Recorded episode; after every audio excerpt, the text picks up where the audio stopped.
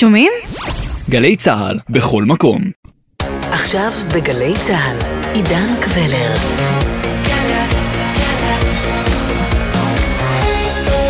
מה שקורה עכשיו. שלום לכם, מאולפן 360 ביום, ההסכת היומי של גלי צה"ל, הזדמנות מעולה לחצי שעה של העמקה, כל יום בנושא אחד שמעסיק את כולנו מ-360 מעלות. והפעם, מי היה מאמין ששימוש בכלים חד פעמיים וצריכת משקאות מתוקים עתירי סוכר יהפכו לסלע מחלוקת עצום בין חרדים לחילוניים? מה ששר האוצר לשעבר ליברמן חוקק, בוטל ממש כעת על ידי שר האוצר הטרי בצלאל סמוטריץ'. למה יש אוכלוסיות בארץ שזקוקות כל כך לשימוש בחד פעמי המזהם את הסביבה? ומילא זה, למה הן מזהמות את גופן בשתייה מתוקה כל כך, שהרי נוכחנו לדעת כבר לפני שנים שהסוכר הוא האויב השקט של כולנו. כנראה בגלל המחיר, כנראה בגלל שזה זול. במסע שלפנינו נצלול אל עולמן של משפחות חרדיות וגם שאינן חרדיות, אך ברוכות ילדים וזקוקות להבנה והכלה ובעיקר הקלה. וגם למה, למה זה רע לבטל רפורמה שזה עתה יושמה. שבתה לקחו לי את הלירה, איפה המשטרה? שיחקנו אבא אמא, עשינו הפלה, בגלל ההפלה נפלה הממשלה. כי אין לי רגע דל או סטנדל או פסטיבל בבודה, ואל תשאל.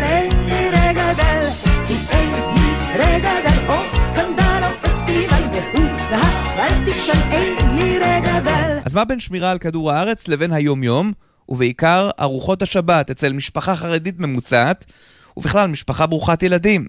אריה ארליך, עורך המגזין של עיתון משפחה. ביטול המיסוי על החד פעמי היה צעד אה, נכון ומחושב. אני באופן כללי נגד אה, הכנסת היד הממשלתית לעומק כיסא האזרחים, גם אם התואנה היא אה, שמירה על אה, איכות כדור הארץ וכל מיני טיעונים מהסוג הזה. אני סומך על האזרחים שהם אה, ידעו אה, כיצד אה, להתנהל, ואם רוצים להפחית את השימוש בכלים מזהמים או בכל מיני דברים שאינם תורמים לחור באוזון, אז צריך לעשות את זה דרך הסברה, דרך חינוך, לא דרך מיסוי. צריך לזכור שישנם אה, במדינת ישראל אה, משפחות רבות, אני מדבר על אה, מאות אלפי משפחות שהן מה שנקרא משפחות ברוכות ילדים, וקשה להם לשב, לעמוד במטבח מהבוקר עד הערב ורק אה, לשטוף כלים או להכניס ולהוציא כלים מהמד- מהמדיח. אה, כלים חד פעמיים הם מוצר צריכה בסיסי, אולי הכי בסיסי שיש במשפחה ברוכת ילדים, ומי שלא גדל במשפחה עם אה, מספר ילדים גבוה, לא מכיר את זה ולא יכול לשפוט את אלה שצריכים כל יום, שלוש ארוחות ביום, ושבתות, שלוש ארוחות בשבת, להגיש לילדים, ואז לעמוד מותשים אחרי יום עבודה קשה ולשטוף כלים. זה לא, מאוד קל להיות טהרנים על חשבון האחרים, על חשבון אנשים שמנהלים תרבות אחרת ומתנהלים אה, בצורה אה, שונה ממה שאותם טהרנים מכירים. אבל יש מי שבחברה החרדית דווקא חושבים אחרת, כמו למשל הדוקטור רבקה נריה בן שחר, חוקרת תקשורת ומרצה במכללה האקדמית ספיר. אני אומר בכנות שהיום אה, כמעט בכיתי, באמת כמעט בכיתי, זה מין תחושה כזאת, להיות כמו אליסה בארץ הפלאות, שאנחנו רצים מהר מהר מהר אחורה.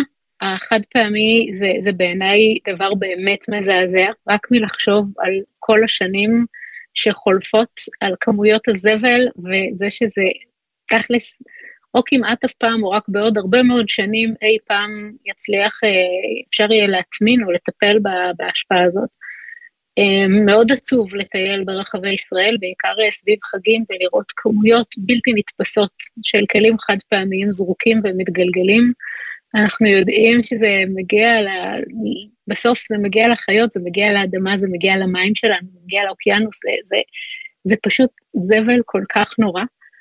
והייתי מלאת תקווה ושמחה כשעלה המס על הכלים החד פעמיים, כי באמת באמת קיוויתי שאנשים ישנו התנהגות.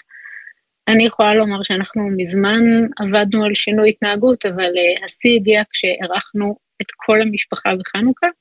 ברוך השם הרבה אנשים, אני לא אגיד כמה, ובפעם הראשונה לא היה אפילו כלי חד פעמי אחד. זה אומר שתוך כדי כל פעם שטפנו, שטפנו, שטפנו כלים, וזה צריך עוד קערה למרק, אז ההוא שתה מרק, אכל מרק בכוס, אבל הצלחנו. ו- וזה מילא אותי שמחה וגאווה ש- שאפשר, שאפשר גם לארח וגם לחגוג בלי חד פעמי. בואו נחזור רגע אחורה. מתי החל המרוץ הזה במשפחות חרדיות וברוכות ילדים אל החד פעמי? האם זה היה כך מאז ומתמיד, או שזו הקלה של השנים האחרונות? דוקטור רבקה נריה בן שחר ממשיכה. אני זוכרת בתור ילדה שחד פעמי היה נורא נורא נורא יקר. ובאמת השתמשו בו כי הוא היה יקר רק לעיתים רחוקות, קצת בימי הולדת מחוץ לבית, אולי קצת בטיולים, זה, זה היה יקר. ועם השנים המחיר מאוד ירד, וכשמשווים את כמות העבודה, בטח במשפחות ברוכות ילדים, מה זה לגלגל את הניילון בסוף הארוחה ופשוט לזרוק הכל לפח, או לאסוף, לפנות, לשטוף, לייבש, לשים במקום, לערוך שוב, כל כך הרבה יותר פשוט להשתמש בחד פעמי. ואפשר לראות את זה בכל המגזרים, תסתכל על מקומות עבודה, עד ממש השנים האחרונות, כמות הזבל שהייתה במקומות עבודה, כמות האנשים שאכלו ושתו בחד פעמי הייתה בלתי נתפסת. זה היה שילוב של בעיניי, אני אפילו לא רוצה לקרוא לזה עצלנות, כמו חיפוש אחרי נוחיות ומהירות, יחד עם מחיר מאוד מאוד מאוד זול. השאלה אם בכלל ניתן להשיב את הגלגל אחור לימים עברו. על פי העיתונאי אריה ארליך, זאת ציפייה לא מציאותית. לפני לא מאוד הרבה שנים אנשים השתמשו בספר. עצים ועגלות. ואז הגיעה תעשיית הרכב שמזהמת את כדור הארץ כפי ששום דבר לא זיהם ולא יזהם לעולם את כדור הארץ, ואז הגיעו גם המטוסים שמזהמים את כדור הארץ כפי שלא היה אה, אה, בכל ימות ההיסטוריה, ואני לא שמעתי מישהו שאומר שהגיע הזמן להיגמל מהרכבים ולחזור לסוסים ועגלות, או אה, לנסוע אה, ממדינה למדינה באונייה, כמו שגרטה עשתה, כי, כי יש דברים שהם, אה, כולנו מבינים שזה המחיר שמשלמים על תרבות חיים מערבית. חרדית ועל צורך לחיות איכשהו, וצריך להבין שבעיניים חרדיות, בעיניים של משפחה חרדית, עקרת בית שעומדת במטבח ומכינה אוכל לילדים שלה, ומסיימת יום יום שלם, יום ארוך, מתיש וסיזיפי עם הילדים, הדבר האחרון שהיא מסוגלת לעשות זה לעמוד במטבח ולשטוף כלים. ואם חשבתם שאצל פעילי הסביבה ביטול הרפורמה יתקבל בעצב גדול, חישבו שוב. הדוקטור יונתן אייקנבאום, מנכ"ל הארגון הסביבתי הנודע גרינפיס, אומר שזו לאו דווקא הייתה כוס התה שלו, הרב פעמית. זה לא היה צעד אה, חלומותיי מבחינת הטיפול בפסולת פלסטיק ובמפגע המטורף הזה, שהוא אה, הפלסטיק, מה שבעיקר בעיקר מצער במקום של, אה, של השר החדש סמוטריץ', שהוא פשוט ביטל את זה ולא התייחס למפגע בעצמו ולצורך לטפל טיפול שורש בדבר הזה. זאת אומרת, ציפייה שלי, ברור שיש כלים יותר יעילים ממס כדי uh, לטפל במפגע הזה של הפלסטיק החד פעמי. בהרבה מקומות בעולם יש דרכים, מיישמים דרכים יותר יעילות לטפל בזה. מאוד מצער שקודם כל לא פתקו את זה uh, עד הסוף ולא הביאו רפורמה מקיפה. שמצד אחד תאפשר לכולם לעבור לכלים רב פעמים, תפתור את ישראל מהמפגע הזה, וכן, אולי אה, תתקן את העוולות שהרגישו שנעשו על הדרך, דרך החוק המיסוי הזה. רוצה להיות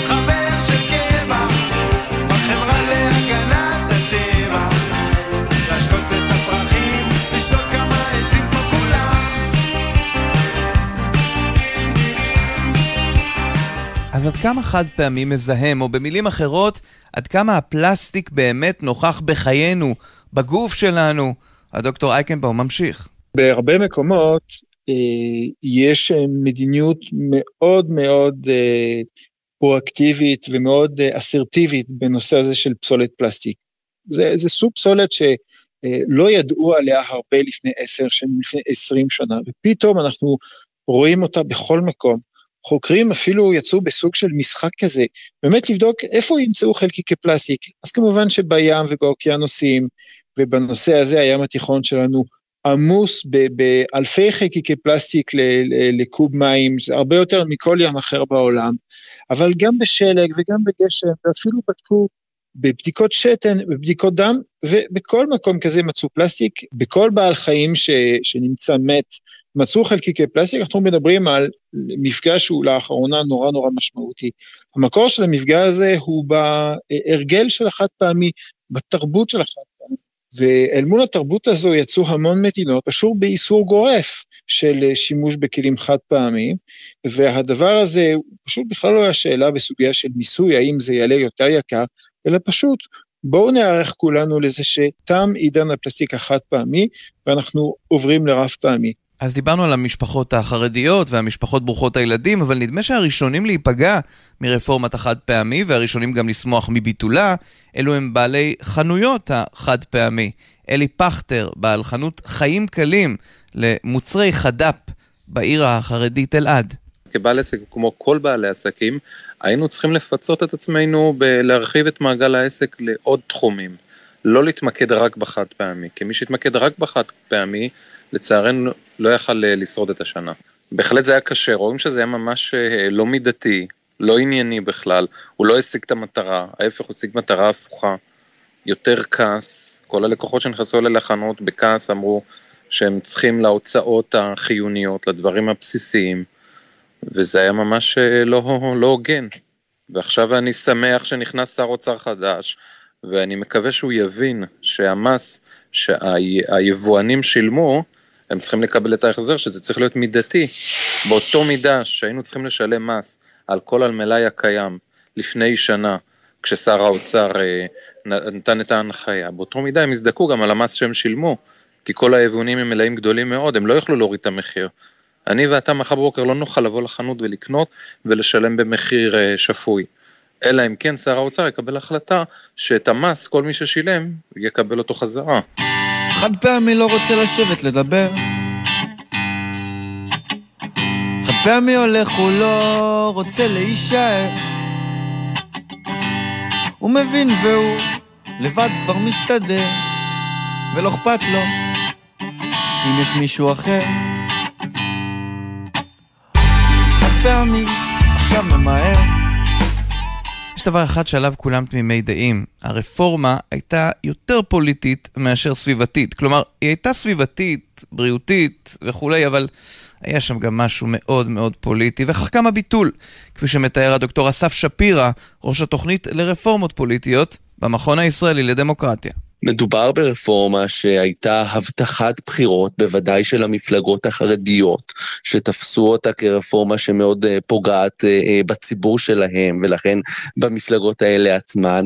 מדובר ברפורמה שהמפלגות החרדיות התעקשו עליה, והיא אכן עוגנה בהסכמים הקואליציוניים, ומדובר ברפורמה שאם היא תעבור, וככל הנראה היא תעבור, ביטול המס על החד פעמי ועל השתייה הממותקת, תהיה הישג גדול של המפלגות החרדיות, ובעצם הם, הם יוכיחו הוכיחו לציבור שלהם שהן אה, מייצגות אותן, אה, מייצגות את הציבור הזה היטב בכנסת. הבטיחו הבטחה וקימו אותה. במובן הזה, בניגוד למובנים אחרים, מדובר בפוליטיקה מאוד מאוד ראויה, שעונה על ערכים דמוקרטיים חשובים כמו היענות. נו, אז מה רע בזה? מדובר מבחינת מדיניות ציבורית בתהליך מאוד מאוד לא נכון, שגוי, פסול ומזיק של קבלת החלטות על ידי אה, משרד האוצר. קודם כל, באופן אה, אה, לגיטימי, זכותו של שר האוצר להחליט שהוא מעלה מיסים או מבטל מיסים, הכל בסדר. אלא שהליך כזה צריך להתבצע לכל הפחות אחרי עבודת מטה מקצועית ורצינית, שבמסגרתה שר האוצר התייעץ עם פקידי משרדו, עכשיו לפי התקשורת רוב הפקידים במשרד תומכים במס הזה ומתנגדים לביטול, אבל זה לא משנה, זכותו של שר האוצר לא לקבל את עמדתם בהחלט, אבל שיתייעץ איתם, שתתבצע עבודת מטה רצינית במשרד, הרי מדובר על מס שנמצא בתוקף כבר שנה ובוודאי היו לו השלכות משמעותיות. מעבר לזה, שיתייעצו עם משרדים נוספים רלוונטיים, כן? מס על חד פעמי בוודאי רלוונטי גם אה, למשרד לאיכות הסביבה ולשרה לאיכות הסביבה. המס על השתייה הממותקת בוודאי רלוונטי גם למשרד הבריאות. אז חייב להתבצע איזשהו תהליך מסודר של הדרג המקצועי, ש, ש, שיבצע עבודת מטה, שבסופו של דבר יציג בפני הדרג הפוליטי, השרים, את המסקנות ואת ההמלצות, ואחרי כל זה, השרים יכולים לקבל את ההמלצות כפי שהם חושבים. זה בסדר גמור. אבל מה תפקידו של הדרג המקצועי אם לא לעשות את עבודתו ולשקף בפני השרים את ההשלכות השונות, החיוביות והשליליות של כל צעד. ו- וככל הנראה זה לא התבצע עכשיו, לא היה מספיק זמן לבצע את זה, זו הייתה החלטה מיידית של שר האוצר לבטל בהתאם להבטחת הבחירות שלו. אז הבנו את הצדדים הפוליטיים, הבריאותיים, הסביבתיים והצרכים של משפחות ברוכות ילדים. בואו ננסה להבין מה אפשר לעשות בשטח. איזו מדיניות למשל? מנכ"ל גרינפיס, יונתן אייקנבאום. תוכנית שלמה אה, שממש עוסקת בכל ההרגלים של האנשים ועוזרת לאנשים לסגל לעצמם בחזרה את הרגלים הנכונים. אה, וזה כולל כמובן מימון של מדיחי כלים, זה כולל מערך שלם שיכול לטפל בטייק אווי, אה, במשלוחים, כדי שהמשלוחים יהיו רב פעמים.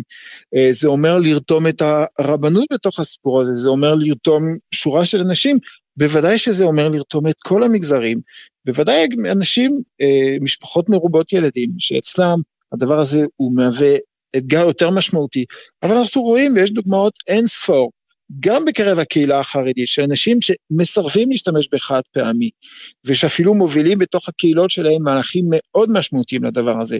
ולכן פה זה, אה, אני חושב שהטעות שהיה במהלך הקודם, היה כביכול אה, מי שחוקק את זה מן הסתם, אה, שהיה בזה סוג של טעם לוואי, אה, אתה יוצא נגד הקהילה, אה, נגד הקהילה החרדית.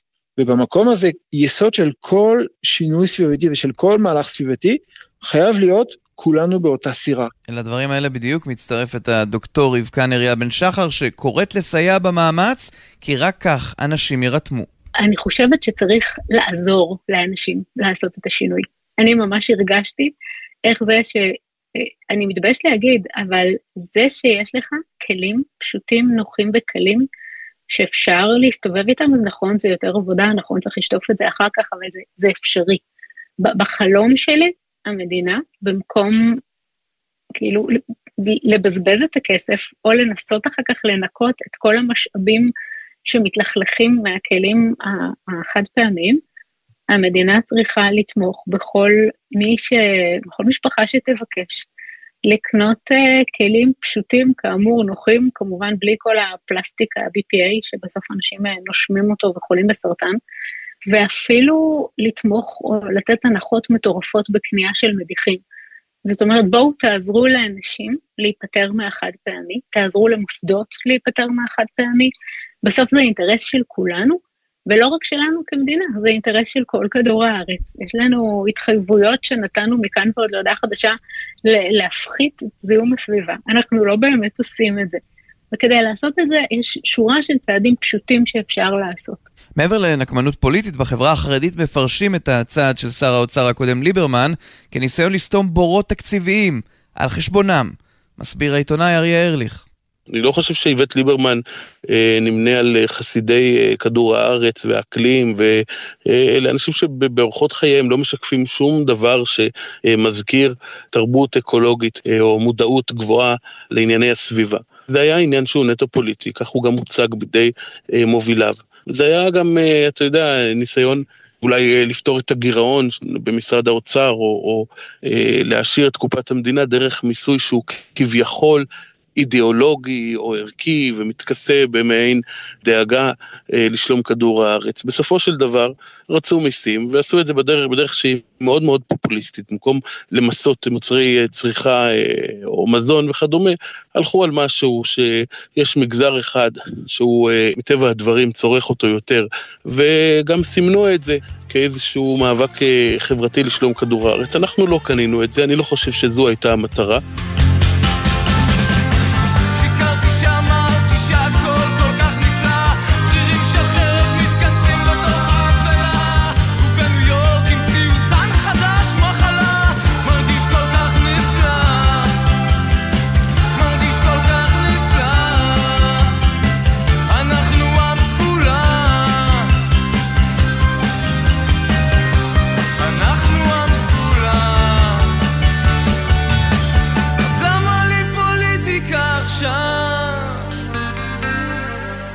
אז אם אנחנו כבר שוב במישור הפוליטי, מה המשמעות של ביטול תדיר של רפורמות ממשלתיות על ידי הממשלה הנכנסת? אנחנו רואים את זה במשרד החינוך, באוצר, ברווחה, ובעוד הרבה מאוד מקומות. חוזרים אל הדוקטור שפירא. המשמעות היא שבישראל מתקבעת, הממשלה הנוכחית לא התחילה בזה, אבל היא מעצימה איזה, איזושהי תרבות ביטול. כלומר, תפיסה שכל מה שהממשלה הקודמת עשתה הוא לא לגיטימי וצריך לבטל אותו. וזו תפיסה מאוד מאוד, אה, אה, היא תפיסה רעה לדמוקרטיה קודם כל, כי היא מבצעת דה-לגיטימציה להחלטות של הממשלה הקודמת, ובהחלט כל ההחלטות היו לגיטימיות וכל ממשלה פעלה אה, אה, לפי דרכה, אין צורך לבצע דה-לגיטימציה כזאת. ודבר שני, יש כאן מסר מאוד רע מבחינת מדיניות ציבורית. שוב, הדרג המקצועי הופך להיות בכלל לא חשוב. כן? כי אף אחד לא מקשיב לו. מה שחשוב זה אם הממשלה הקודמת עשתה צעד מסוים, אז הממשלה הבאה מבטלת את הצעד הזה. ואנחנו רואים איך זה גם משפיע על האופוזיציה הנוכחית, כי גם האופוזיציה הנוכחית כבר התכנסה והכריזה שכל הצעדים שהממשלה הנוכחית עושה, היא, כשהיא תחזור לשלטון, תבטל אותם. אז זה דבר מאוד רע לדמוקרטיה ומאוד רע לתהליכי אה, קבלת ההחלטות, וזה בעיקר לא מאפשר יישום רפורמות ארוכות טווח. הרי בעיות העומק של מדינת ישראל, כמו של מדינות אחרות, בתחומים למשל של איכות הסביבה ושל בריאות, אם אנחנו מדברים על ביטול המס, אה, הטיפול בבעיות האלה דור, דורש חשיבה ממושכת ודורש תהליכים ארוכי טווח שנמשכים לאורך שנים. מתקרבים לשלב הסיכומים במסע שלנו, ולקראת סיום אלי פכטר, זוכרים? בעלי חנות החד פעמי מהעיר אלעד, אז הוא סבור שאם כבר ממסים משהו, צריך תמיד ללכת על הדברים הגדולים ועל אוחזי הממון. קודם נתחיל עם מה שמזהם באמת, ואיפה שלתת מס על מי שמשתמש ופוגע באמת באקלים. בואו נראה שגם המטוסים הם פוגעים באקלים, וכל מי שטס אה, פעמיים בשנה, שהוא גם אה, ישלם אה, מס. מי שמחזיק יותר מרכב אחד שגם ישלם מס. רפורמת המס, להתחיל עם החד פעמי, שזה פוגע בשכבות החלש, החלשות של האוכלוסייה, שזה כל כלל האוכלוסייה, זה לא רק המגזר החרדי. משפחה שרוצה לארח בחג, בשבת, לארח את כל המשפחה, את הילדים. הצורך בחד פעמי הוא דבר שמאוד מאוד נצרך אצלהם, ולבוא לתת להם שהם ישלמו את המס, זה פשוט לא הוגן להתחיל עם העניים, שישלמו מס קודם מי שיש לו. מי שטס פעמיים בשנה, הוא קודם ישלם את המס. איי איי איי מחיה, יוקר המחיה. איי איי איי רואה מחיר חוטף סטירה. טוב, אז מיסוי על חד פעמי כבר לא יהיה, בטח לא בממשלה הנוכחית.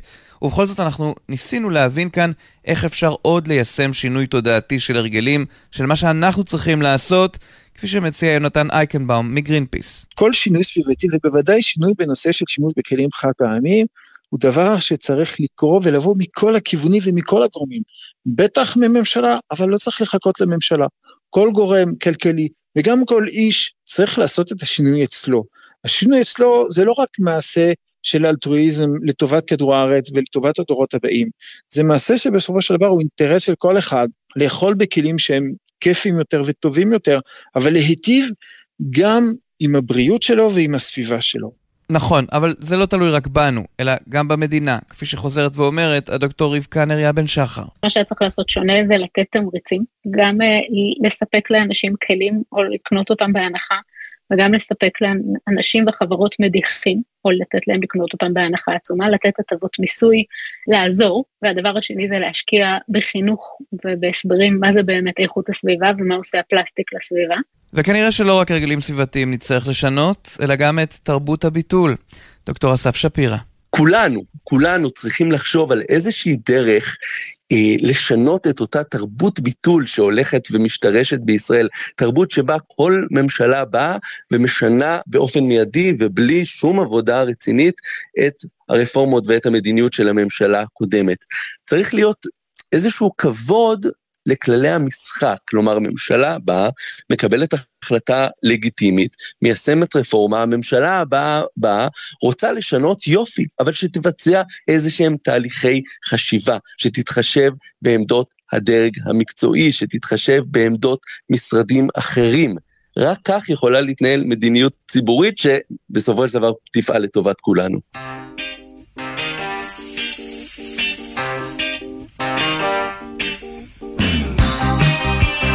עד כאן 360 ביום, ההסכת היומי של גלי צה"ל. בכל יום, 30 דקות של צלילה לתוך נושא אחד שמעסיק את כולנו, מ-360 מעלות. אנחנו זמינים לכם ביישומון גלי צה"ל ובכל יישומוני ההסכתים המובילים.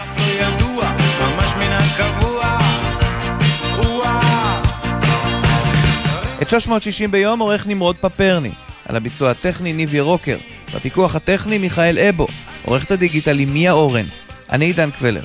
שלום.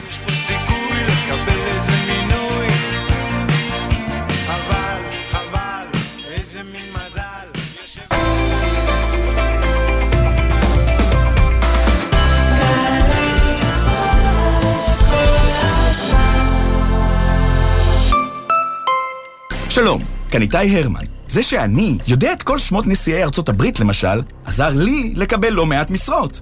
לרעיונות העבודה שלכם, זה בוודאי יועיל פחות. אבל מה שתלמדו באתר קמפוס IL יכול להעניק לכם יתרון בכל ראיון. כי בקמפוס IL תמצאו קורסים חינם כמו כתיבת קורות חיים, יצירת פרופיל לינקדאין, אקסל למתקדמים ועוד רבים שישדרגו לכם את קורות החיים. קמפוס IL, בהובלת מערך הדיגיטל הלאומי והמועצה להשכלה גבוהה.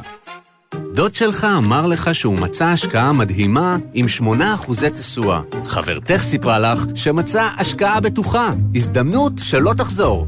אבל אתם לא קונים את זה, כי אתם משקיעים בחוכמה, ודבר ראשון, בודקים שמדובר בהשקעה מפוקחת. רגע לפני שמשקיעים, נכנסים לאתר רשות ניירות ערך, ובודקים שמדובר בהשקעה מפוקחת, ושהגורמים קיבלו רישיון מהרשות לניירות ערך. לא בדקתם, לא השקעתם.